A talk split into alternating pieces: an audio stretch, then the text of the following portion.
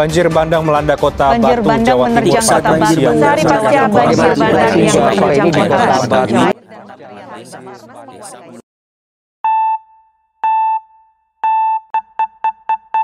relawan yang ada di Kota Batu eh, mengevakuasi atau melakukan pendataan eh, terkait korban maupun kerusakan baik rumah maupun bangunan lainnya. Hujan terjadi mulai siang hari dan eh, banjir tadi terjadi sekitar pukul 4 sore. Artinya hampir 3-4 jam intensitas hujan yang lumayan deras terjadi di Kota Batu dan ini merupakan banjir eh, atau air datang dari titik yang lebih tinggi kemungkinan dari sekitar Gunung Arjuno.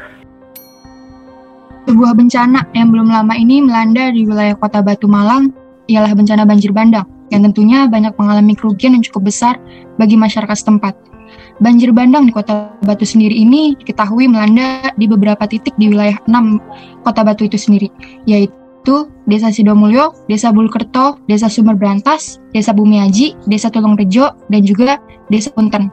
Nah, berdasarkan data dari Wakil Wali Kota Batu, ternyata terdapat 89 kepala keluarga yang terdampak banjir.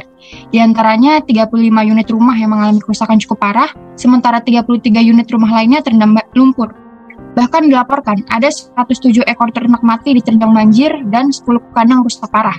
Pihaknya juga mencatat bahwa terdapat 7 korban meninggal dunia. Selain dampak material dan juga non-material, ternyata terdapat dampak lain yang sangat dirasakan oleh masyarakat setempat sebagai korban dari adanya bencana banjir bandang ini. Berikut cuplikan hasil wawancara kami dengan salah satu korban yang bernama Ibu SN yang kehilangan harta bendanya bahkan nyawa anggota keluarganya. Mungkin untuk ke depannya ngeten ya nopo bu? Harapan sama ya nopo? Ya ya wis pokoknya mudah-mudahan gak ono ono. Kejadian-kejadian sing ngono kuwi maneh ya?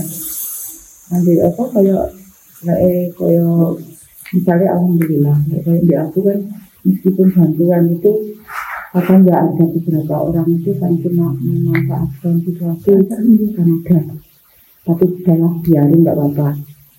Karena mungkin ada um, ada ganti yang lebih baik kan karena ada yang nggak punya bantuan itu enggak apa sepenuhnya enggak ada tapi suatu saat dia ketolong sendiri kalau rumahku selesai mau misalnya mau penyerahan serah terima atau terusnya ya tak bantah enggak ya anu dari kemarin sebelumnya udah tak video yang belum belum belum belum belum segini aku video udah anu dari pengkot udah aku video terus biayanya itu ini mungkin nggak bodoh instansi atau gimana? Kan yang itu diserahkan tak foto.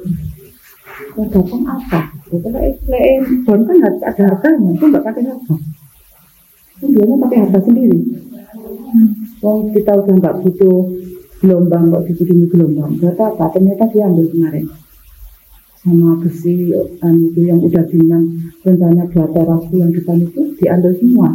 Nggak bilang sama saya nggak bilang sama bapak. Nggak apa-apa nggak apa-apa nih penting itu rezeki rezeki awak dulu. Itu nggak bilang gitu. Nggak apa-apa. Lambat laun pasti dianya ketahuan sendiri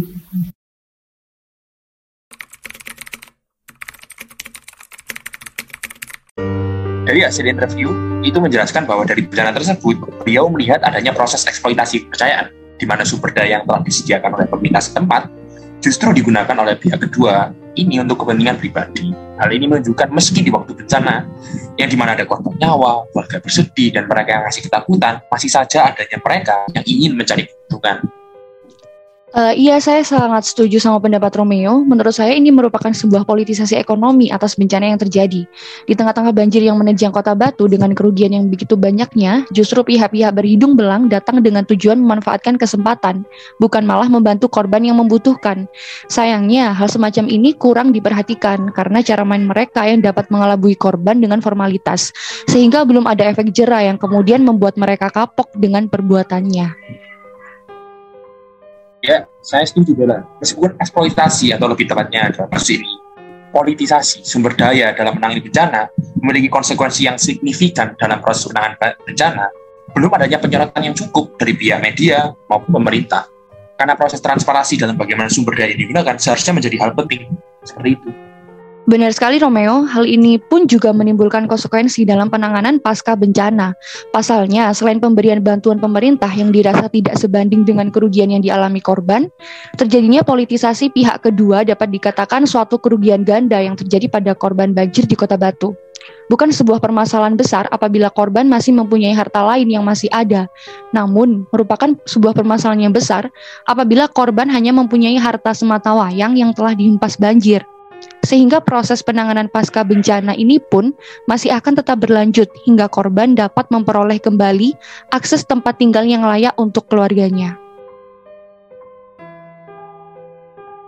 Dari topik pembahasan mengenai banjir bandang di Kota Batu, kita bisa memahami secara garis besar bahwasannya bencana itu suatu hal yang bersifat multidimensional.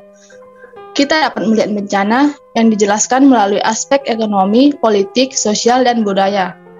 Lewat peristiwa banjir bandang yang terjadi di Kota Batu, dapat membuka kacamata kita bahwa adanya upaya politisasi dari bencana itu sendiri, berupa penyalahgunaan sumber daya yang dimanfaatkan oleh segelintir orang untuk kepentingan pribadinya masing-masing. Sekian podcast mengenai fenomena politisasi bencana. Kami ucapkan terima kasih.